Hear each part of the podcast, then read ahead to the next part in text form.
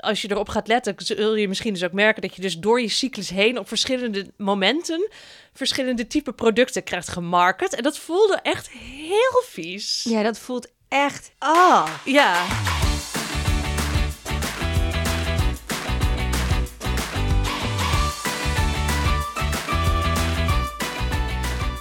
Welkom bij Zoetzuur, de podcast over alle prangende thema's en heerlijke bijzaken waar je als moderne millennial een mening over wil. Ik ben Elise Fixen. En ik ben Barbara Kleijsen. Cultureel kapitaal is het nieuwe statussymbool. Dus willen ook wij ons kunnen verhouden tot urgente maatschappelijke kwesties. Zoals het terughalen van IS-vrouwen of de kerosinetax. Maar we laten ons ook steeds afleiden door luchtigere zaken die we stiekem misschien wel net zo belangrijk vinden. Daarom is er Zoetzuur met deze week de algoritmeschaamte-editie. Want wie denken Google, Netflix of Instagram eigenlijk dat we zijn? Moeten we blij of boos zijn over het feit dat ze ons ongevraagd helpen, adviseren en over ons oordelen? Best relaxed, zo'n gecureerde Netflix-lijst met aanbevelingen, maar welke prijs betalen we hiervoor? Deze editie zoeken wij het voor je uit.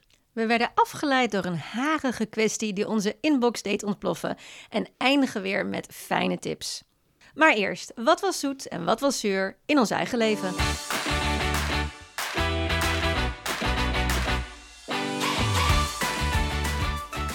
Barbara, jij bent zoet. Waarover? Waarover niet? Oh, Ja, nee, ik heb heel veel zoete dingen opeens. oh ja, ik nummer zit- één. Jazeker. nou, ik heb, een hele, ik heb een hele politiek correcte zoet. Oh, Ja. Als ik niet podcast host ben, ben ik trainer, coach, facilitator. En geef ik allerlei trainingen. Eh, voor een deel ook vrouwelijk leiderschap. Maar ik heb ook regelmatig trainingen met alleen mannen. En daar geniet ik enorm van. Ja, dit... Nee, dit is een heel integere zoet. ja, ga door. Een hele integere zoet. Nou, wat ik, ik merk überhaupt dat ik vaak heel erg ontroerd ben. Want het is eigenlijk heel bijzonder als een groep mannen eh, uiteindelijk gewoon op een soort emotioneler en dieper niveau met elkaar het gesprek aangaat. En je dan vooral als je merkt dat zodra één ehm, die stap zet om echt wat persoonlijker te worden, Mhm. dat er vaak een soort opluchting ontstaat. En dat anderen dat ook gaan doen. Mhm. En zo vaak zie je mannen niet zo vaak. Ja, je eigen partner of je vriend. Mhm. Maar dat is dan echt zo bijzonder om daarbij te mogen zijn. Dat je met zo'n groepje mannen bent. En ehm, bijvoorbeeld dat ik een aantal mannen uit de bouw, jonge jongens, begin twintig. We deden een oefening en dat was wie is voor jou een held? En dat eh, één jongen eh, begon met ja, mijn held is eigenlijk mijn moeder. Ze hadden het vroeger echt niet makkelijk. Maar toen gingen ze allemaal. Toen kwam de een, ja, ik dacht dat mijn held Elon Musk was. Maar mijn held is eigenlijk ook mijn moeder. Het is echt een scène. ik heb dan altijd al, oh, ik- Mhm. stel je voor dat je dan een zoon hebt en dat hij dan later in een training, en, en die moeders zullen het nooit weten, Mhm. dat, dat hij dan gewoon jou als, gewoon met tranen in hun ogen aan andere mannen hebben verteld dat... Misschien moet je dan als een soort, hoe heet die, Tony Robbins, dat we zeggen, we gaan er, we, We gaan, er bellen. Ja, dat, maar dat behoeft. Ik zou dan zo graag. Je weet, weet je gewoon wat Michel vandaag over jou heeft gezegd. Hmm. Ik wil het dan zo graag aan die moeders zeggen. Hmm. Nou, in ieder geval, ik had weer zo'n groep. Heel leuk. Een jongen van Italiaanse afkomst, Algerijnse afkomst, Turks en een blonde Hollander. En opeens ging het over, ja, maar tegen vrouwen, wat kun je dan wel en niet zeggen? Het ging over Me Too. Het was helemaal niet de scope van de training. Mhm. En eh, we hadden er uiteindelijk zo'n leuk gesprek over. En het was zo verhelderend. En vooral door ook eens te kijken wat voor complimenten maak je dan aan vrouwen. En zal ik dat compliment dan eens als vrouw naar jou als man maken? Ja. Bijvoorbeeld van, oh, staat je echt heel goed. Zo je haar in de gel en dan zo helemaal zo strak. En dan zo precies zo achter je oren langs. nou, en dan natuurlijk een beetje aangezet. En Ja. ze voelde opeens dat het helemaal niet zo Oh, ingewikkeld dat overhemd was. is echt heel goed gesneden bij je schouders. Precies. Ja. Dat ze gewoon voelde eh, van, oh maar wacht, die scheidslijn is best wel heel duidelijk. Alleen als man heb je daar niet zo vaak mee te maken. En we vinden allemaal dat je dat soort dingen wel tegen een vrouw kan zeggen. Mhm. Maar dat worden van die normatieve, abstracte discussies. Ja. En opeens werd het heel praktisch. En aan het eind waren ze echt gewoon helemaal soort van woke. En ook heel enthousiast om daarmee aan de slag te gaan. Wat En toen dacht ik, oh yes, misschien heb ik gewoon de wereld, zeg maar, vandaag gewoon net een, een, een, een millimeter beter gemaakt. Good for you. Ja, good for me. En jij, Elise, jij was zuur. Ja, ik ben techzuur. Oh, ik weet niet hoe het met jou is. Nou, ik weet wel hoe het met jou is. Jij laat ook je telefoon 100 miljoen keer vallen. Ik ook, heel vaak, nooit wat aan de hand. Maar nu was het gewoon zo van één keer te vaak, net op de verkeerde plek. Dus nu is hij gewoon eigenlijk kapot. Zo van het beeldscherm flikkert. En eh, Hij is gewoon kapot. Dat is op zich niet zo heel erg, want Patrick heeft nog een telefoon voor mij liggen. Die ik zeg maar een oude telefoon van hem. Ik neem eigenlijk altijd, ik koop nooit een nieuwe telefoon. Ik neem altijd zijn oude telefoon. Eh, Die ligt daar al en die is beter dan deze. Dus dat is op zich allemaal prima. Alleen, ja, dan moet ik dus alles overzetten. En dan vooral zeg maar mijn foto's. Moet ik mijn foto's gaan zinken. Maar dat is dan echt zo van, oh ja, ik heb 12 gig aan foto's. En die moet ik dan eerst op mijn laptop zetten. Maar dan moet ik eerst weer 12 gig vrijmaken op mijn laptop. Om daar al die foto's te zinken. Maar ho, ho, En ho, dan- als je, eh, heb je geen eh, iCloud iets of wat dan ook? Want in Ja. principe bij mij hoef ik eigenlijk, als ik overstap, hoef ik, hoef ik eigenlijk helemaal niks meer te doen. Ja, alleen... Nou ja, het is zeg maar, mijn telefoon is heel vol en heel traag, omdat ik nooit foto's wis, zeg maar. Eh, en, en dit is zeg maar eigenlijk precies hetzelfde met mijn batterij van mijn laptop. Ehm, als ik nu gewoon zeg maar een nieuwe batterij, mijn laptop is ook zo van hij kan geen seconde meer zonder stroom. Maar als ik er nu een nieuwe batterij, omdat die zo vol is, zo, dan is dat bij die nieuwe binnenkort keren weer zo. Dus Patrick die wil me alleen helpen als ik eerst zeg maar dat opruim. Oh, ja, maar, ah. maar dan moeten we ook wel... Patrick is voor hem op, opruimen is leven. Eh, ja, leven Nou ja. is organiseren. Dat is het meer, ja. Maar ja, ik heb natuurlijk gewoon geen zin. Nee. Om, dus ik was gisteravond al allemaal zeg maar ruimte op mijn laptop aan het vrijmaken. Maar dat is, ja, dat is ook zo'n ding. Zo van, oh ja, nou, ik heb zeg maar nog wel een externe harde schijf waar gewoon heel veel shit naartoe kan. Maar dan moet ik dat toch ook wel eerst uitzoeken. Anders heb je zo'n soort van hele grote tra. Ah, ik wil niet door zeg maar 5000 screenshots van zeg maar recepten en zo. Waarvan ik denk, oh, wat zijn de ingrediëntenlijsten, et cetera. Heen. Zeker niet op een telefoon die niet Ik werkt. En op een laptop werkt dit ook voor geen meter. Ik heb een tip. Nou, kom maar door. Ja, graag. Ja, ja, er is een appje, die heb ik gebruikt. Ehm, daarmee kun je heel snel je foto's op je telefoon opschonen. Mhm. Je kan bijvoorbeeld zoeken op dubbelen en dan wist hij, dan, dan wist hij alle dubbelen. Mhm. Je kunt ook zoeken op screenshots en dan bijvoorbeeld zeggen, oké, fuck it. Ik Mhm. wist gewoon in één keer, Alle inshallah, screenshots. alle screenshots. Ja. Ehm, en dus het is een soort hulpmiddel, zeg Ah. maar, om in ieder geval een aantal grote categorieën gewoon in één keer, weet je wat, dat recept uit ja, 2018. dat ga ik nu ook nooit meer vinden. Nee, dat ga je gewoon weer opnieuw googlen. Ja, precies. Ja, dus dat kan ik. Oh, eh, ik heb hem zo niet bij de hand, maar ik zal hem opzoeken en in de Ja, show ik weet niet of mijn zetten. telefoon nog, zeg maar... Een nieuwe app kan Nee. installeren. Oké, nou dan heb ik geen tip voor Nee. je. Nou ja, Oh. dit is mijn zuur. Ik moet dit gewoon regelen, Je moet maar... door de zure appel heen.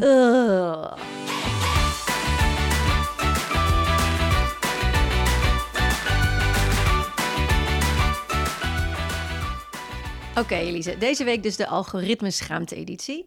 Wat was voor jou de aanleiding dat wij hier eens eh, een goed gesprek over moesten voeren? Nou, dat kwam eigenlijk doordat ik een interview hoorde met Celeste Barber.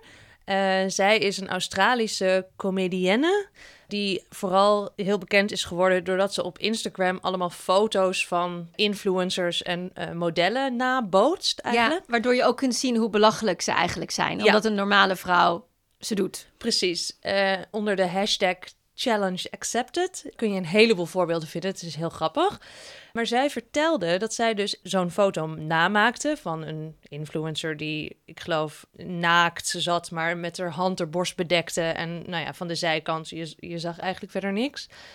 En eh, die had zij dus nagemaakt. Dus dat was dus ook naakt. Ze hield haar borst vast en ze had geloof ik nog een vleeskleurige string aan. En ze kwam er dus achter dat Instagram ervoor had gezorgd dat haar foto niet gedeeld kon worden. En het, zeg maar, het origineel kon wel gedeeld worden. Hey, terwijl zij nog een vleeskleurige string erbij aan had. Exact. En Instagram heeft natuurlijk best wel uitgesproken... eh, Puriteinse. ja, dus niet te veel naakt. En zeg maar, je, iedereen heeft wel de, ja, iedereen heeft wel eens de foto's gezien van peuters met eh, stickers op hun tepels. Maar toen eh, had ze daar dus een tweet over gestuurd. Zo van, eh, yo, Instagram, what's up? En toen dat ontketende eigenlijk echt een stroom aan reacties. Blijkbaar is het een heel ding online dat dus eh, dikkere vrouwen veel sneller worden geflagged door het, eh, door het algoritme van Instagram. En dus veel sneller op de vingers worden getikt voor, zeg maar, dus, nou ja, het overschrijden van eh naaktheidsregels. ja, en wat de theorette daarachter is, Instagram ontkent dit, is dat het algoritme een soort van percentage heeft. Zo van, nou ja, je mag, eh, weet ik veel, nee, je moet minstens 20% bedekt zijn bijvoorbeeld. Ah. En een bikini bijvoorbeeld is bij een grotere vrouw ook groter, maar het oppervlakte van haar lichaam is in verhouding dan groter dan bij een hele dunne vrouw met weliswaar een kleinere bikini, maar, maar nog. Ja, dus als, als je dan je handen voor je borsten doet, bedek je wel het cruciale deel van je borsten, maar misschien niet. Je ziet meer zijborst misschien of zo. Maar het is natuurlijk super bizar. Want en er zijn dus heel veel gewoon, zeg maar, dikke vrouwen die zeggen: ja, elke keer als ik een, gewoon een, bikini, gewoon een keurige bikini-foto van: hé, hey, ik ben op het strand. Dan uh, wordt, die, wordt mijn account geblokkeerd. Of het wordt verborgen door het algoritme, dus dat je bijna niet meer te vinden bent. Ja, en zeker voor dikke vrouwen en zeker ook nog uh, extra voor dikke vrouwen van kleur. Er is zo'n percentage van, ik geloof iets van 85% van de vrouwen is zeg maar groter dan maat 40. En in media is het geloof ik 5% of zo, zeg maar. Dus ze worden al bijna niet vertegenwoordigd. Dus Instagram is juist voor die groep een heel belangrijk medium, ook voor representatie. En, uh, dan word je daar ook weer buiten gesloten. Ja, en het is voor heel veel mensen natuurlijk een kanaal ook, zeg maar, voor hun eigen bedrijf en hun eigen merk. Uh, dus ja, dus het is niet alleen van, oh, boehoe, je kan geen vakantiefoto's posten. Het gaat echt om maatschappelijke thema's. Ja. En het gaat ook om de mogelijkheid om jezelf te kunnen branden, te verkopen, neer te zetten en een, een doelgroep op te bouwen. Precies, was bijvoorbeeld een vrouw die zei van, ja, die, ik heb nu al heel vaak gehad dat mijn account is geblokkeerd of die is bijna niet meer te vinden, waardoor dus ik ook niet meer aantrekkelijk ben voor sponsordeals. Jezus. Dus echt heel messed Ja, want als je net geblokkeerd wordt, word je niet alleen even geblokkeerd, maar je wordt ook gestraft en je daalt meteen in dat, in dat uh, zoekvenster en je wordt minder snel aangeboden. Ja, precies. Dus dat is, ja, dus dat is echt heel... Uh, daardoor dacht ik echt, yo. Dus toen, ja, toen dook ik erin en toen kwam ik eigenlijk veel meer voorbeelden tegen. Yes.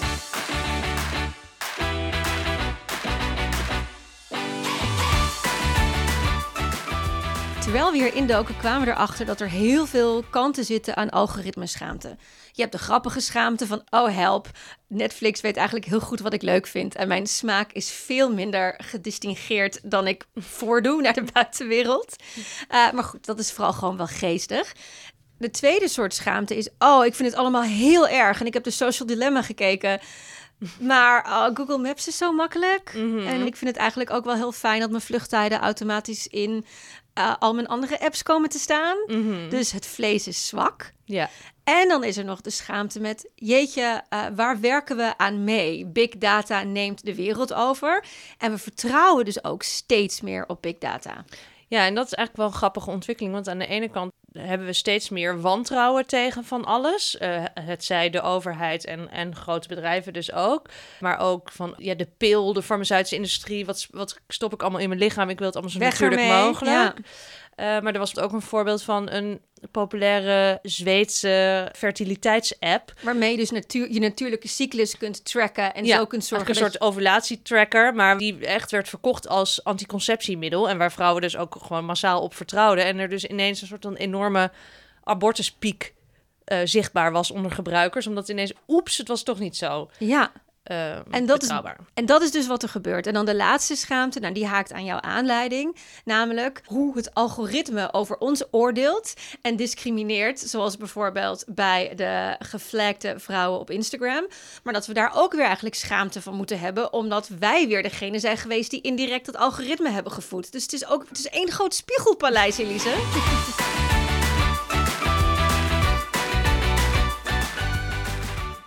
Ja, misschien moeten we even een disclaimer uh, erin gooien. Want wij praten hier nu heel makkelijk over het algoritme. We weten natuurlijk best dat het algoritme niet bestaat. Maar voor het gemak van het gesprek hebben we het daar toch maar wel gewoon even over. Zeker. Maar voordat we dat doen, is het misschien toch handig om even iets te vertellen over wat is nou een algoritme en wat is nou big data, toch? Ja. Oké, dus hier komt een spoedcursus. Je kunt het als volgt zien. Data is het nieuwe goud. En een grote hoeveelheid data is een belangrijke grondstof voor innovatie en daarmee dus ook voor nieuwe economische en maatschappelijke kansen dus al die data die we verzamelen, dat noemen we big data. Maar daar de pareltjes uit halen en te zorgen dat je ook iets kan met die data, daarvoor hebben we algoritmes. Dat zijn als het ware de mijnwerkers. Zij halen het goud uit die berg door de juiste analyses en selectie. En als je denkt, jeetje Barbara, wat weet je dat goed te verwoorden? Dat komt omdat ik hierover heb gelezen in de correspondent. En het artikel vind je in de show notes. Wat nog wel een leuk feitje is bij het algoritme, als je dan toch leuk op een verjaardag staat en je, je denkt, nou laten we het eens hebben, laat ik eens een balletje opgooien over big data. Als er een of andere oom staat te oreren over big data. Precies. Dan is het heel leuk om te weten dat het woord algoritme komt van de naam van een Persische wiskundige. Uh, en die schreef in de 9e eeuw een boek over het uitvoeren van berekeningen. En zijn naam was Mohammed ibn Musa al-Khwarizmi. En, en ook vroeger vonden mensen het al ingewikkeld om een naam uit te spreken die niet uit hun eigen taal of cultuur komt. Dus gaandeweg werd zijn naam vertaald als algoritme. Nou, zo zijn we aan het algoritme gekomen. Leuk feitje is die Mohammed. Die is degene die ons van de Romeinse notering uh, heeft overgezet op de um, Arabisch-Indische cijfers van 1, 2, 3, 4, zodat we decimalen konden gaan gebruiken. Handig. Super handig. En dan is samenvattend een algoritme niet meer dan een aantal stappen die je zet om een doel te bereiken. Uh, dat kan dus zijn inderdaad data en technologie, maar ook het bereiden van een maaltijd. Je volgt in een aantal stappen een recept om je doel eten op tafel te bereiken. Dus een algoritme is daar puur om te prioriteren, te associëren, te klassificeren of te filteren. Een formule, kortom. Yes!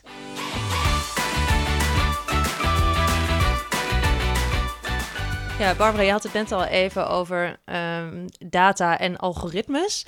En data is dus feitelijk de voeding van de algoritmes. En uh, heel vaak in algoritmes worden dus en AI wordt getraind met een hele berg data. Ja, dus, en AI uh, is dan artificial intelligence. Ja, en zoals jij vorige editie al heel goed uitlegde hoe het met die captcha's is, dat je dan zeg maar dingen moet herkennen, uh, zo van de stoplichten moet herkennen en uh, dat soort dingen. Dat is ook allemaal, dat is dus allemaal trainingsdata voor, uh, voor AI in dit geval.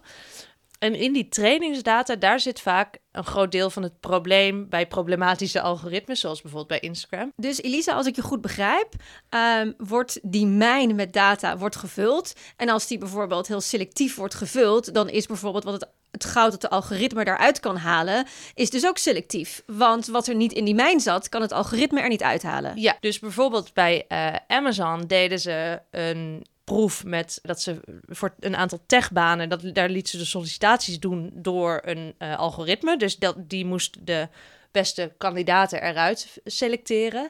En ze kwamen erachter dat het eigenlijk maar een heel klein percentage vrouwen was dat daaruit kwam veel minder dan op basis van zeg maar de sollicitanten zou moeten blijken. En daar kwamen ze toen achter dat het kwam doordat voor die trainingsdata vooral mannen waren gebruikt, de cv's van mannen. Dus werden mannen als meer geschikt gezien. Dus zo van, oh, man is voordeel, vrouw is nadeel. Dus er kwamen meer mannen op de stapel.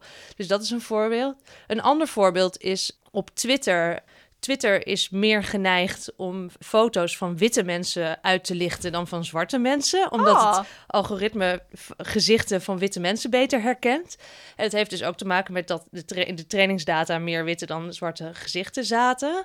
En in witte gezichten zit schijnbaar meer contrast. En dat is dan makkelijker voor het algoritme te herkennen. Ook zo'n ding was dat bijvoorbeeld eh, van die automatische zeepdispensers... dat die dan zwarte handen niet herkenden.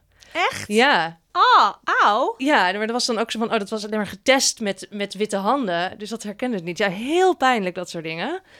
Ander ding is dat bijvoorbeeld eh, zwarte gevangenen ten onrechte hoger werden ingeschat wat betreft recidivekans dan witte ge- eh, gevangenen. Ook door een gefukt algoritme.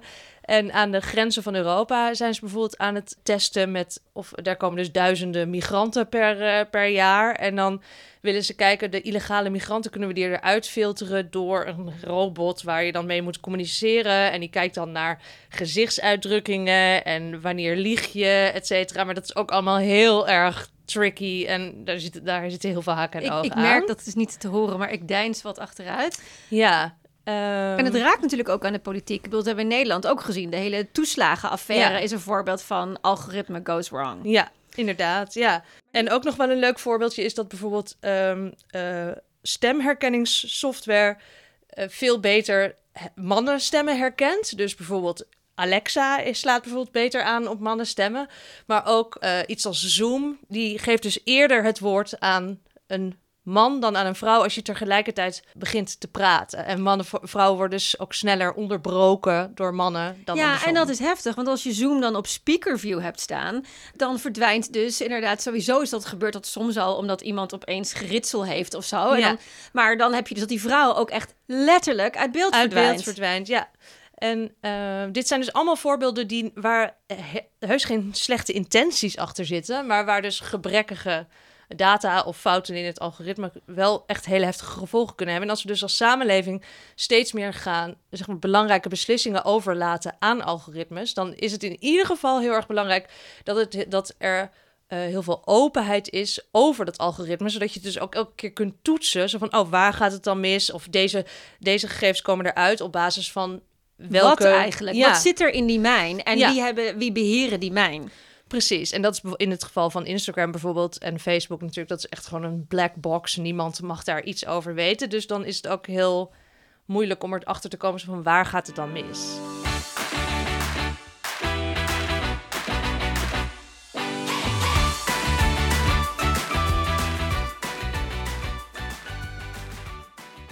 Ja, en die openheid is mede zo belangrijk, omdat een van de dingen waar het vaak misgaat, is een gebrek aan diversiteit. Op dit moment zijn heel veel leaders in AI gewoon Silicon Valley. En dan denken we gewoon allemaal aan een leuke, frisse, redelijk jonge, witte man. Ja. En dan krijg je dus inderdaad van die issues waardoor zij zo'n database vullen of zij bedenken hoe ze die database gaan vullen. Mhm. En dat ze dat dus niet bewust zo doen. Alleen ja, zij denken alleen aan wat ze kennen. Dus er Ja. komt gewoon een, eh, een bias in te liggen. Ja, bepaalde mm, blinde vlekken. Ja, Ja. nou een van die blinde vlekken heb ik nu zelfs sinds januari al last van. Dus ik ben ook enorm activistisch bezig. Of nou ja, ik heb me gemengd in een forum en een paar kliks gedaan met mijn muis. Een paar activistische commentaren geüpvote. Zeker, armchair activism. Maar waar ik me dus heel erg aan erger, ik was, als je eerdere afleveringen hebt geluisterd, weet je dat, echt een Fitbit-adept. Mhm. Meten is weten, heerlijk. Maar Fitbit heeft dus niet de optie, want je trackt ook je menstruatie, je trekt je gewicht, je trackt ehm, je beweging. Je kunt echt steeds meer doen met Fitbit. Ja. Alleen de functie die in Fitbit niet bestaat en waar al jaren op internet voor wordt gevochten, is dat je niet kunt aangeven dat je zwanger bent. Oh. Nou, dan kun je dus denken, so what? Ja. Maar het heeft een aantal gevolgen. Eén, ik heb jarenlang dat eh, algoritme gevoed met mijn cyclus. Waardoor het uiteindelijk heel accuraat werd. Wat heel prettig was, ik heb dat kunnen testen... omdat we tegelijkertijd een heel ziekenhuistraject hadden. Je had geen fertility app nodig. Je had gewoon je Fitbit. Ik had mijn Fitbit en dat werkte gewoon... Nou ja, het werkte niet heel goed, want ik ben niet zwanger. Maar Lag niet aan Fitbit. Dat werkte goed. Eh, nu zegt hij dat mijn cyclus gemiddeld 178 dagen is. Oh. Dus al die data raakt nu helemaal verzuurd, omdat ik ondertussen al zeven maanden geen menstruatie heb Oh. aangegeven. Dus al die jaren dat ik dat heb lopen voeden, is Ja. nu gewoon weg. Dus dat gaat heel lang weer duren na mijn zwangerschap, om dat weer soort van enigszins Ja. op orde te krijgen. Het tweede is dat Fitbit me nu elke keer wil vertellen van... oh, pas op, je komt wel veel aan. Uh, en dat hij op sommige dagen vindt van... oh, het valt wel op dat je steeds minder beweegt. En, dat gebeurt dus ook in een zwangerschap... je hartslag in rust gaat omhoog. Hmm. Dus mijn Fitbit vertelt me elke week dat ik super slecht bezig ben... terwijl ik gewoon een Ah. mens aan het groeien ben. Dus ik heb mijn Fitbit nu ook Af. af. Ah. Ja, ik was er helemaal... Hij doet niets meer voor mij. Dus door Ik word alleen maar geshamed. Ja, dus door het ontbreken van die ene functie... Ah. En er zijn dus heel veel vrouwen op internet dus boos over. En zijn dat steeds aan het upvoten. Dat is niet alleen irritant, maar het is natuurlijk ook juist voor heel veel vrouwen is het echt wel belangrijk om ook gezond te blijven tijdens hun zwangerschap, toch? Ja, dus dat je ja. denkt van, ik vind het best veel moeilijker om dit in mijn eentje te bedenken. Dus ik wil eigenlijk wel juist een soort van goede informatie over wat ik nou juist wel en niet zou moeten doen. Ja, precies. En een andere vrouw zei: Oh, weet je, ik heb het ook nodig met mijn borstvoeding. Je zou het juist heel goed kunnen gebruiken. En nu heb ik hem dus gewoon een soort van in de plomp gegooid. Het is irritant en een gemiste kans. Het is een enorme gemiste kans. En wat dus heel opvallend is, is dat het al wordt aangegeven eh, sinds 2016. Dus dat is nu vijf jaar is dat forum heel actief. Ah. En ehm, bij die ene staat afgesloten, want in behandeling. Nou, al vijf jaar, sorry hoor. hoe ingewikkeld kan het zijn? Daarom. Eh, en bij, toen heeft iemand anders een ander topic geopend, waar ik me ook in heb gemengd. en dat hebben ze gemarkt als opgelost. Oh. Dus er worden ook gewoon registers being shut up. Ja, want eerst, eerst was het dan zo van... oh, de blinde vlekken hebben ze niet aan gedacht... maar nu is, lijkt het gewoon onwil. Geef me in ieder geval informatie over waarom het er nog niet is. Ja, maar misschien zijn gewoon zwangere vrouwen niet een relevant of groot genoeg doelgroep. Nou ja, zeg dat dan. Maar dat is een onsympathiek verhaal. Ja. Het is ook onsympathiek. Zeker onsympathiek. Fuckers.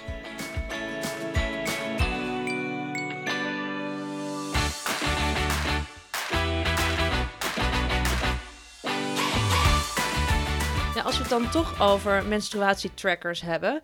Uh, ik denk dat heel veel vrouwen wel ook die geen Fitbit hebben, wel gewoon zo'n menstruatie-app hebben, zodat je kunt zien van, oh ja, fuck, wanneer moest ik ook weer ongesteld worden? Of om je fertiliteit uh, bij te houden. Ja, of om gewoon te weten van, oh, komt dat handig uit met die vakantie? Ja, precies. Ik ook. En ik had daar eigenlijk ook nog nooit verder echt over nagedacht, maar daar geldt natuurlijk ook zo van, oh ja, je gratis menstruatietracker, ja, oh, jij bent het product. Kwam er dus ook achter dat die dus gewoon al je data doorverkopen.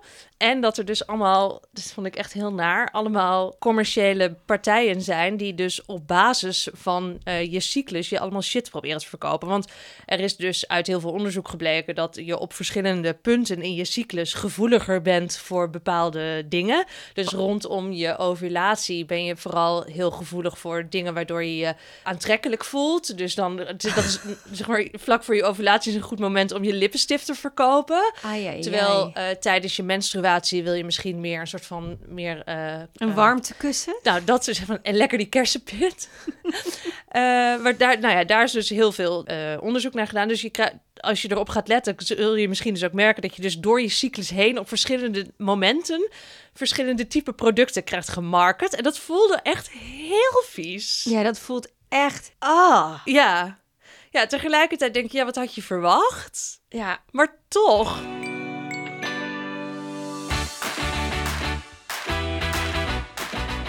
Ja, en dat is ook wel een andere kant van dit probleem. Rosa Luxemburg. En als je denkt, oh ja, wel eens van gehoord. Dat is een uh, Duitse marxistische politica, filosoof en revolutionaire. Geboren in 1871. En uh, zij had ooit al de uitspraak: het kapitalisme groeit door alles te consumeren dat niet kapitalistisch is. En een een of andere investeerder in Silicon Valley maakte ervan: it eats the world.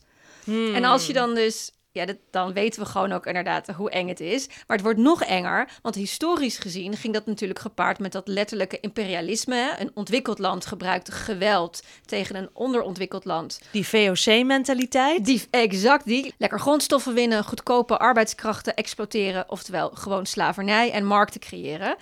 Maar langzaamaan raakt de wereld op. Hmm. Uh, dus dat kunnen we gewoon niet meer zo goed doen. Dus nu begint het kapitalisme de realiteit zelf op te eten. Dus het is een soort imperialisme van het dagelijks leven. Het begint onze ervaringen, onze data en uiteindelijk dus ook ons te consumeren. Oh, dat klinkt heel eng. Heel eng. En dat is ook de reden dat er nu zo'n beweging is uh, van refuse Oftewel die gasten uit de technologische industrie die dan bijvoorbeeld in de social dilemma ons willen waarschuwen voor de schadelijke psychologische en kapitalistische effecten van de technologieën die zij dus hebben helpen creëren. Dus het is ook nog een hmm. soort Frankenstein na palm clusterfuck. Dat vind ik trouwens wel ook, als je het nou hebt over privilege, vind ik dat ook wel echt een enorm geprivilegeerd standpunt. Ja, mijn kind groeit op ja. Uh, zonder uh, techniek. Daarnaast hebben wij ook een bunker in Nieuw-Zeeland voor als de apocalyps komt. Ja, zeg dat maar gewoon tegen zeg maar de buurvrouw in de sociale huurwoning die in godsnaam probeert om de kinderen iets van kansen bij te brengen. En ze van, oh nee, ontzie je nu wel de toegang tot het internet, want dat is niet goed voor je. Uh. En dan zegt ze, oh ja, we hebben allemaal, we hebben een consumptiemaatschappij gecreëerd en nu gaan we je shamen als je dingen koopt.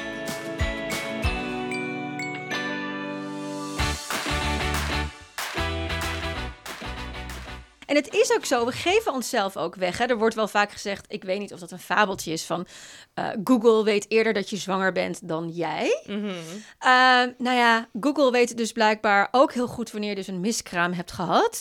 Uh, een van de manieren waarop ik echt voel dat ik mijn ziel had weggegeven, was toen ik op Pinterest vrij kort na mijn miskraam een remembrance Dol kreeg aangeboden. Wat is dat? Ja, dat is dus, uh, dat kun je dus bestellen. Een foetus in het aantal weken dat jij een kind in je buik hebt gehad. Van die oh. grootte, een replica in de vorm van een, gewoon een pop. Dus het is eigenlijk gewoon een foetuspop. Oh. Afgestemd op, nou ja, ja, ja je, bent, je hebt natuurlijk niet altijd door wat, wat je verliest en hoe. je hebt het niet gezien. En dan heb je zo'n pop en die kun je dan op de schoorsteenmantel zetten.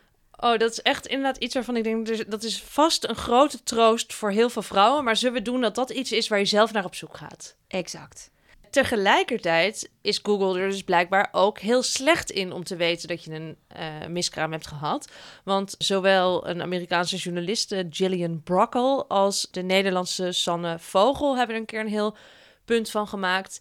Die zeiden van hoezo Google, als jij wist dat ik zwanger was, doordat ik inderdaad de verleiding niet kon weerstaan en allemaal dingen heb gegoogeld en kinderkleren en hormonaal, zeg maar, eh, ledikantjes ben gaan googlen. Daardoor kon je zeg maar heel goed heel veel advertenties aan mij aanbieden en heel veel suggesties doen. Ze van, oeh, dit vind je ook leuk.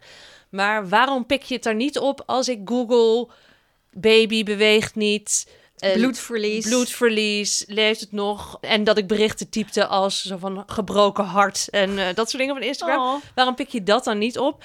En krijg ik dus nog maanden na mijn miskraam of doodgeboren kind de hele tijd advertenties voor luiers, draagzakken, uh, nou ja, al die meuk die je zeg maar aan, die ze je aansmeren als je zwanger bent. Ja, en dat is natuurlijk het andere irritante aan het algoritme, is dat het ook erg zo'n vasthoudende, toondove verkoopmedewerker is. Hè? Dus iemand die misschien af en toe iets tegenkomt dat correct is, maar veel te vaak je ertoe aanzet als klant om je of in de kleedkamer te verstoppen van help, ik wil niet meer, of die jou een soort van forceert tot een keuze die niet bij je past. Ja. Uh, Noreen Malone heeft hier uh, in The Intelligencer nog een uh, goed stuk over geschreven. Dat zullen we ook in de, in de show notes zetten.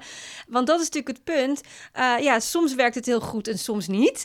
Ik merk ook ik gaf wel aan met mijn Fitbit dat als ik dan heel veel van mezelf weggeef, dat ik ook wel zuinig ben op mijn algoritmes. Ja.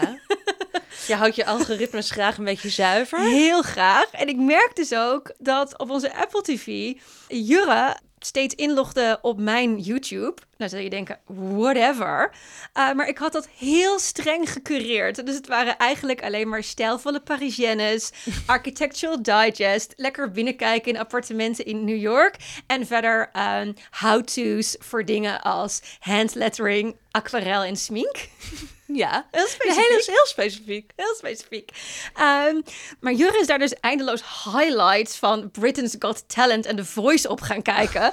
dus nu krijg ik elke keer van die dingen van Susan Boyle. Oh ja. Uh, nee, dank je. En van, oh, deze vijfjarige trekt haar mond open en je gelooft nooit wat er gebeurt. En Alleen Simon maar Cowell dat. die is over Hou op, niet nog een golden buzzer. uh, verder krijg ik nu de hele tijd The Graham Norton Show. En mijn man heeft eindeloos Friends gekeken. Dat was zijn manier van omgaan met een wereldwijde pandemie. Chuggy. Ja, heel chuggy.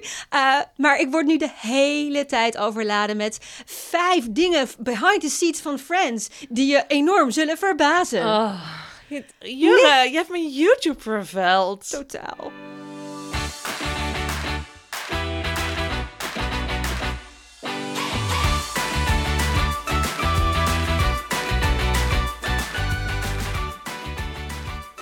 Oké, dus even resume. Aan de ene kant is het natuurlijk heel relaxed, zo'n goed werkend algoritme. Dus, uh, oh, ik zet Netflix aan en ik krijg meteen tien dingen voorgeschoteld die ik allemaal wel wil zien. Op Spotify zo van, oh, leuke liedjes en, en playlist. Of op YouTube goede, goede suggesties. Dat is natuurlijk heel fijn.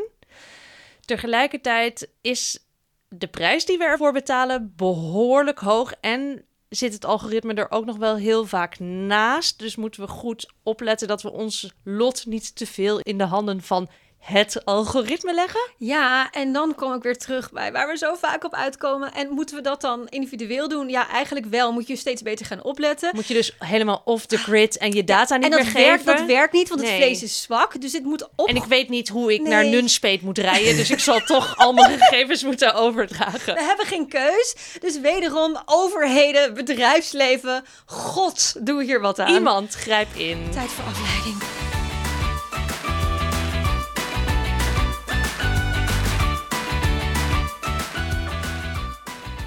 Elise, jij uh, was weer eens afgeleid door haar. Ik heb geen idee hoe of wat. Behalve dat onze inbox op Instagram overstroomde. We zetten best wel vaak even een poll uit in onze stories.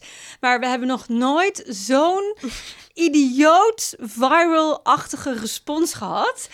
Ja. Vertel, wat is er gebeurd? Haar is een thema. Nou, ik al zeg maar, zolang ik me kan herinneren, zit ik in een soort van zoektocht naar hoe kan ik er nou voor zorgen dat ik minder vaak mijn haar hoef te wassen? En hoe vaak moet je eigenlijk je haar wassen? Dat zijn eigenlijk twee vraagstukken die best wel vaak terugkomen in mijn leven. Zeker, want eh, jij begon in de school. Ik moet altijd overal, hoe brak wij ook waren, waar je ook was. Er zijn foto's van Patrick die met een colafles ergens in het Ja. Oostblok, terwijl jij op een plastic stoel zit, jouw haar aan het wassen is. Ja, ik moest gewoon altijd elke dag mijn haar wassen. Niet omdat ik dat nou zo graag wilde, maar omdat het gewoon heel vies en vet was en voelde. Ik voelde me gewoon echt vies als ik mijn haar niet waste. Ja, terwijl jij prima tien dagen op reis in dezelfde kleren kan lopen. Als Ja, moet. dus het is niet per se een soort van hysterisch Nee. hygiëne ding. Mijn haar wordt gewoon heel goor. ja, check. Ja, eh, nou, dat vond ik toch op een gegeven moment een beetje onhandig. Dat ik dacht, het lijkt me fijn om gewoon niet zo vaak mijn haar te hoeven wassen. Ja. Er gaan verschillende geruchten over of het nou heel goed is of heel slecht. Er is een soort van opvatting dat het heel slecht is om elke dag je haar te wassen.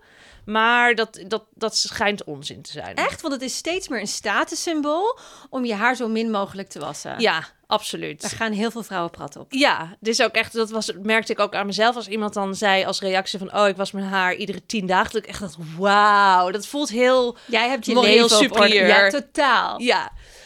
Maar, goed, jij dook in het onderwerp. Ja, ik dacht, hoe zou dat in veranderen zijn? Dus ik zette even die poll uit op Instagram. Nou, daar blijken dus heel veel mensen mee bezig te zijn, want we kregen dus heel veel reacties.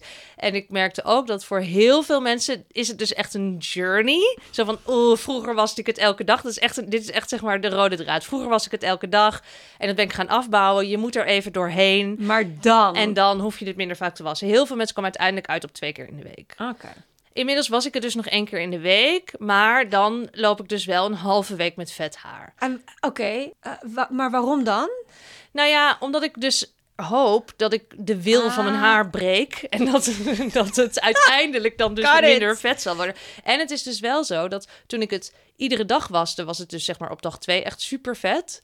Ehm, toen ik het om de dag waste, was het eigenlijk op dag twee ook al wel een beetje vet. Het is altijd een deel van de tijd vet. Alright. En ik heb dus het idee dat als ik terug ga naar twee keer in de week, dat, ik het dan, dat het dan dus op dag drie weer vet is. Terwijl het nu misschien op dag vier, vijf vet Maar jouw kennende, als je op zo'n journey bent, dan leg je ook altijd even wat onderzoeken naast elkaar.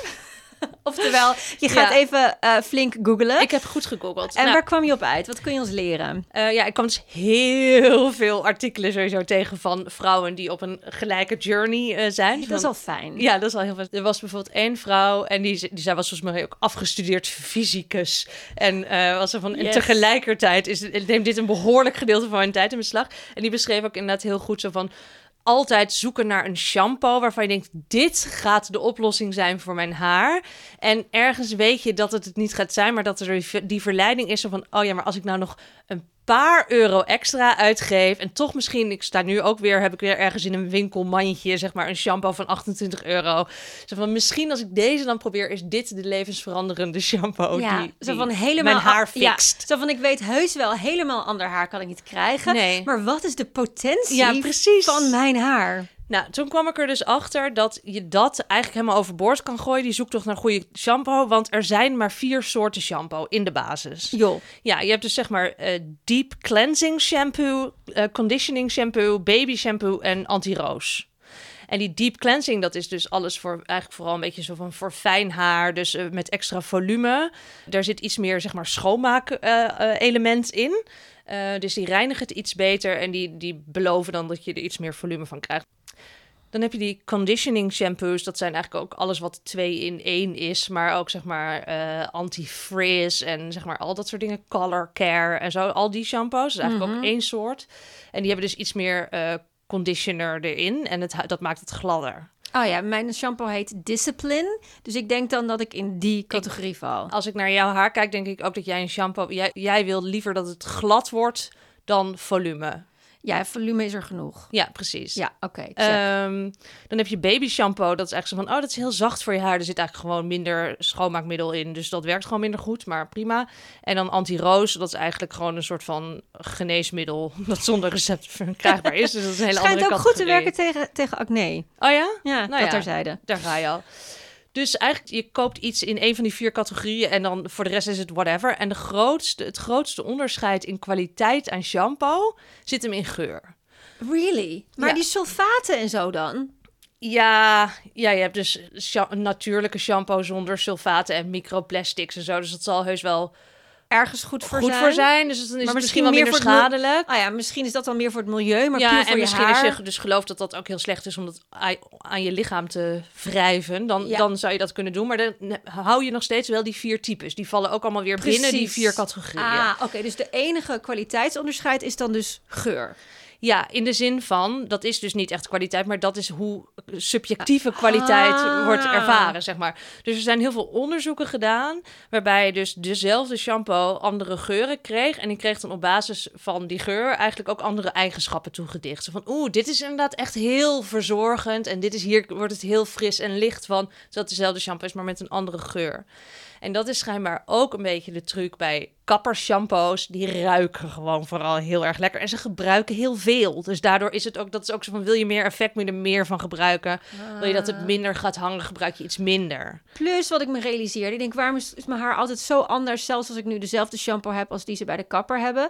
Ik feun mijn haar natuurlijk ook nooit zo eindeloos als ze bij de Nee. kapper doen. Nee, dat is ik. Kijk, zeg maar mensen die zeggen: ik ga de dag voor of van mijn bruiloft naar de kapper. Echt, ik, ik snap daar niets van. Mijn haar moet altijd minstens een week bij komen van de kapper. Ja, dat is ook zo. Dat- maar dus een ja. blow-out of zo, dat zou ook echt niet. Nee, oh, het is mijn zijn. droom. Mijn haarwassen duurt eindeloos. Ja. Eindeloos, eindeloos, eindeloos. Eh, en ik krijg het namelijk, om, door dat vele haar, krijg ik het er niet altijd goed uit. Mhm. Dus soms heb ik dat hele traject doorlopen. Moe armen. dat is echt heel heel Dat is zwaar. heel zwaar. En dan ook nog, ah, en het duurt eeuwen voordat het droog is. En dan zit er nog een vette plak. Oh ja. En dan moet ik eigenlijk het hele proces van vooraf aan. Waardoor ik dus panisch ben geworden voor nat haar. Mm. Mijn moeder had dit ook als we op vakantie eh, uit fietsen gingen. En ik weet nog dat het op een gegeven moment ging regenen. En dat mijn moeder met een boodschappentas over haar hoofd het laatste stuk heeft gefietst. En ik was 14, dus ik ging door de grond. Maar ik snap haar nu zo dat ze dacht. I don't care als ik weer dat hele proces Ja. vanavond overnieuw moet doen. Uh, maar ik ben dus panisch inderdaad voor haarwassen geworden. Dus het is mijn droom, juist, we zijn weer eens tegenpolen, Ja. dat ik één keer in de week mijn haar bij de kapper zou laten wassen en het daarbij zou laten. Is ook een generatieding, toch? Je hebt toch heel veel van die oudere dames die dan gewoon zo van één keer in de week hun haar laten doen bij de kapper? Ja, ik heb het toevallig bij mijn kapper gevraagd. Zo van, want er zaten een aantal dames Mm. daarvoor. En toen zei ze, ja, bij ons is het zo, en dat is echt een wel een chique kapper. Het is 33 euro per week als je altijd je haar daar wil laten wassen. Waardoor ik meteen dacht, oh, dat kan ik nu niet betalen. Nee, maar het is ook weer niet een onhaalbare droom. Nee, ja, 128 euro in de maand. Ik bedoel, Ja. dus wie weet ooit. Wat nog wel even ook een fascinerend ding is wat ik tegenkwam in mijn research, is de no-poo method. Het klinkt heel vies. Klinkt heel vies. Je denkt poep in je haar, wat is dit? Maar het gaat dus om no shampoo. Maar zeg dan no sham. Ja, dat zou ik ook denken. Of gewoon no shampoo. Maar goed. Maar goed, het heet de no-poo method. En dat gaat er dus ook over zo van dat je dus alleen maar met simpele, natuurlijke ingrediënten je haar wast. Dus ik Ja. dacht nog, oké, oké. Ehm, Klinkt aanlokkelijk. Ja. Ben ik in theorie voor in de markt? Ja, maar ik was al snel afgehaakt toen iemand het, het, de methode uitlegde. En zo van, nou, je begint met bijvoorbeeld één keer in de zoveel tijd doe je dan baking soda erin. Dus dat, dat is, daar- daarmee maak je het schoon. Toen dacht ik, nou, oké. En dan doe je als conditioner gebruik je dan appelsiederazijn. Toen dacht ik al, oeh, ik dacht even aan dat schoonmaakmiddel dat ik zelf had gemaakt. En waar die, eigenlijk die azijnondertoon toch bijna niet uit te krijgen was hoeveel essentiële olie je er ook bij in druppelt. Ik denk, oh, dat stinkt dus de hele dag mijn haar naar azijn. Lijkt me echt heel vies. En toen zei ze, nou, dat doet ze dan zo één keer in de maand. En dan tussendoor was ze het dan of, of, of bewerkt ze het dan met dingen van alles van, zeg maar, meel tot ei en kefir. Maar dus dat allemaal voelt heel erg als de Tina, waarin je gewoon zelf je maskertjes ja, lekker maken. banaan in je, in je haar Yoghurt en komkommer. En... Het klinkt vooral wel heel vies. Zeker als je dus daarna niet wast. Dat je denkt, oh, dan heb je nog allemaal zeg maar ei en kefir resten in je haar. Oh, Nee, dat- ik ben nee, hier nee, niet nee, bij. nee, nee. Ik heb ooit pure vitamine E in mijn eh, haar gesmeerd, omdat ik dat ergens had gelezen. Ja. Toen heb ik een week lang spaghetti haar gehad. Oh. Het, het was zo dik en gehecht. Het was gewoon om, het- mijn haar was een omhulsel van vitamine E-olie. Oh, wauw. Ja, was niet te doen. Nou, je hebt ook wel varianten hierop, waar ik dus wel in potentie voor in de markt ben. Zo van, oh, we hebben er een soort van frisse draai aangegeven en het zit in een, in een minimalistisch eh, verpakking. Yes, yes, yes. Met een soort van Zweeds aandoen etiket. En dan betaal je dus zeg maar 50 euro voor een potje Oeh. shampoo. En iemand in eh, eh, onze DM's had dit ook geprobeerd. En die zei ook echt, oh ja, dat deed ook niks. Dat vond ik ook heel fijn om te horen. Want ik was daar ook alweer terecht gekomen. Dus van, moet ik het dan misschien toch bestellen?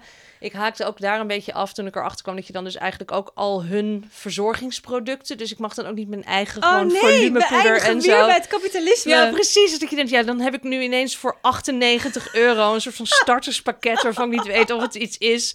Misschien moet ik dit niet doen. Maar eigenlijk is dus de conclusie enerzijds, laat het los. Als jij heel veel geld wil betalen voor een geur, doe het. Maar anders, pak gewoon iets uit de categorie die bij jou past. Ja.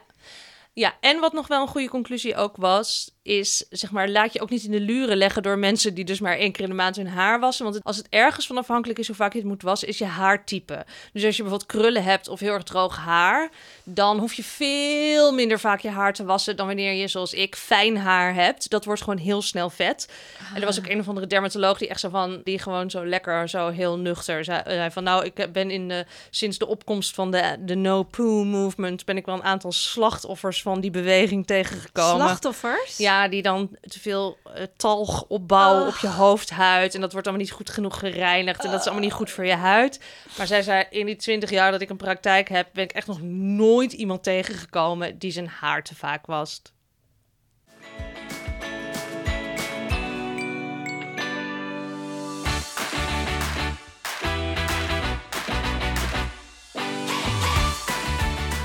Nou, ik heb een hele korte tip. Oké, vind dus een doe-tip.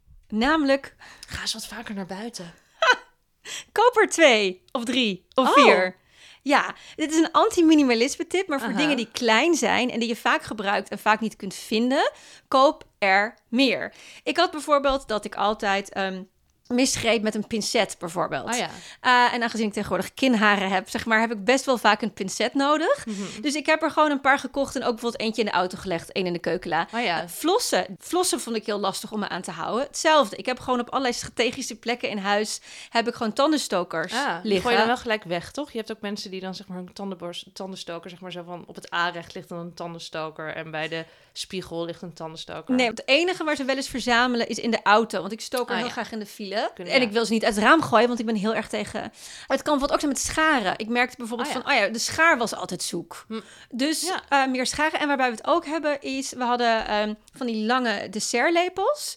Die begonnen we, ik wil eigenlijk altijd als ik iets uit een, eh, als ik een toetje of yoghurt of kwark eet, wil ik dat niet met een grote lepel. Heb ik een aversie, heb ik als kind, sinds ik kind ben. Dus soep kan ik echt wel, het is geen anorexia. Ik kan gewoon Maar niet, Maar- geen zuivel met zuivel kan alleen met een kleine lepel. Alleen als we gasten hebben en die willen thee in zo'n lang glas of koffie, dan waren we heel vaak die lepels op. Ja. Dus ik merk echt dat ik gewoon heel veel denk, waarom zou je gewoon Ja. altijd ergeren aan dat die lepels er niet zijn of dat je geen Telefoonopladers is ook zo'n ding. Ja. Yes, dus is het, neemt het weinig ruimte in en is het gewoon niet zo duur. Eh koop er gewoon drie, vier, vijf. Goeie tip. Ja, hack. Ik heb een podcast tip. Eh, het is Pieces of Britney. Voor iedereen die al wel of nog geen genoeg heeft van alle ellende rondom Britney Spears en de Free Britney Movement, is er dus Pieces of Britney, een eh, podcast van BBC4 gemaakt door Pandora Sykes. Eh, en het is, ze omschrijven het zelf als een, een, een vriendelijke ver- vertelling van het verhaal van Britney Spears. Ik moet zeggen dat ik echt de laatste weken een soort van enorme Britney overkill had. Want er was dan ook weer zo van, oeh, een enorme long read op de New Yorker verschenen van Gia Tolentino en Ronan Farrow. Farrow. Dat je denkt, oh, oeh, bingo. Maar ik, Dit ik, wil heb- ik ik ook niet lezen. gelezen. En dat gaat Ik ook vooral heel erg over dat conservatorship. En elke keer, er is nu ook elke keer nieuws van... oh, dan heeft haar zusje weer gesproken. Dan heeft haar moeder weer iets gezegd. Nou ja, maar goed. Het is dus een volgens mij achtdelige podcastserie erover. En dat vertelt dus eigenlijk gewoon over haar hele leven tot aan eh, nu. Ik luister dus ook... het is een beetje een rare tip. Want ik luister er dus met gemengde gevoelens over. Want het is wel interessant... Het is een beetje dat je denkt, ja, ja, dus dat ze bij de Mickey Mouse Club en toen kwam Dat Justin weten we ook. allemaal Dat weten we door. allemaal al. En het heeft toch ook wel door de verteltrand van Pandora Sykes een, iets mild heigerigs. Maar het is toch ook wel weer... Echt?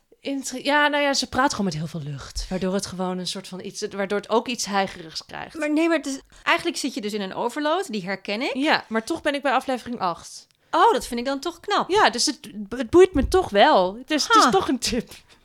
Eh, En een ja. terechte tip, want ik heb inderdaad op Instagram ook even zo had ik zo'n poll uitgezet zo van oké, eh, wie zegt enough already en wie zegt nee, het onderwerp is te belangrijk. Want dat Ja. is ook wat, wat natuurlijk wel zo is. Het Ja. gaat niet alleen over Britney. Nee. En volgens mij gaat dat artikel van Ronan Farrow en Gia Tolentino ook daarover. Van het, het, het staat natuurlijk symbool voor iets groters. Ja, zeker. Dus het is inderdaad zo van hoe wordt iemand helemaal tot dit punt gedreven en uitgebuit en uh, et cetera. Dus eh, Moderne ja. slavernij. Ja, Pieces vreselijk. of Britney. Oké. voor. Alright, tijd om af te ronden. En ehm, wat ik nog even wil toevoegen. In september eh, ronden wij ons eerste seizoen af. En daarvoor doen we een losse eindjes of een grande finale.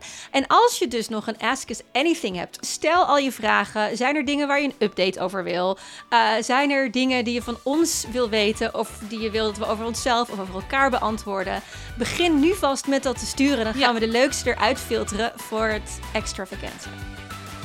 Tot de volgende keer. Doeg! Bedankt voor het luisteren. Alle artikelen, podcasts en andere media die we bespraken vind je terug in de show notes en op zoetzuurcast.nl. Abonneer je op Zoetzuur in Spotify, Apple Podcasts of waar jij dan ook het liefste luistert. Doe ons een groot plezier en schrijf dan meteen even een beoordeling in jouw podcast-app. Dat helpt anderen om ons ook te vinden. En we zijn gewoon ook door op complimentjes. En op voicemails. Laat er één achter via onze website. E-mailen kan ook. hallo En volg ons dan meteen ook even op Instagram. zoetzuurcast. Onze muziek is Young at Heart van Blake Wolf. Tot de volgende keer. Dag!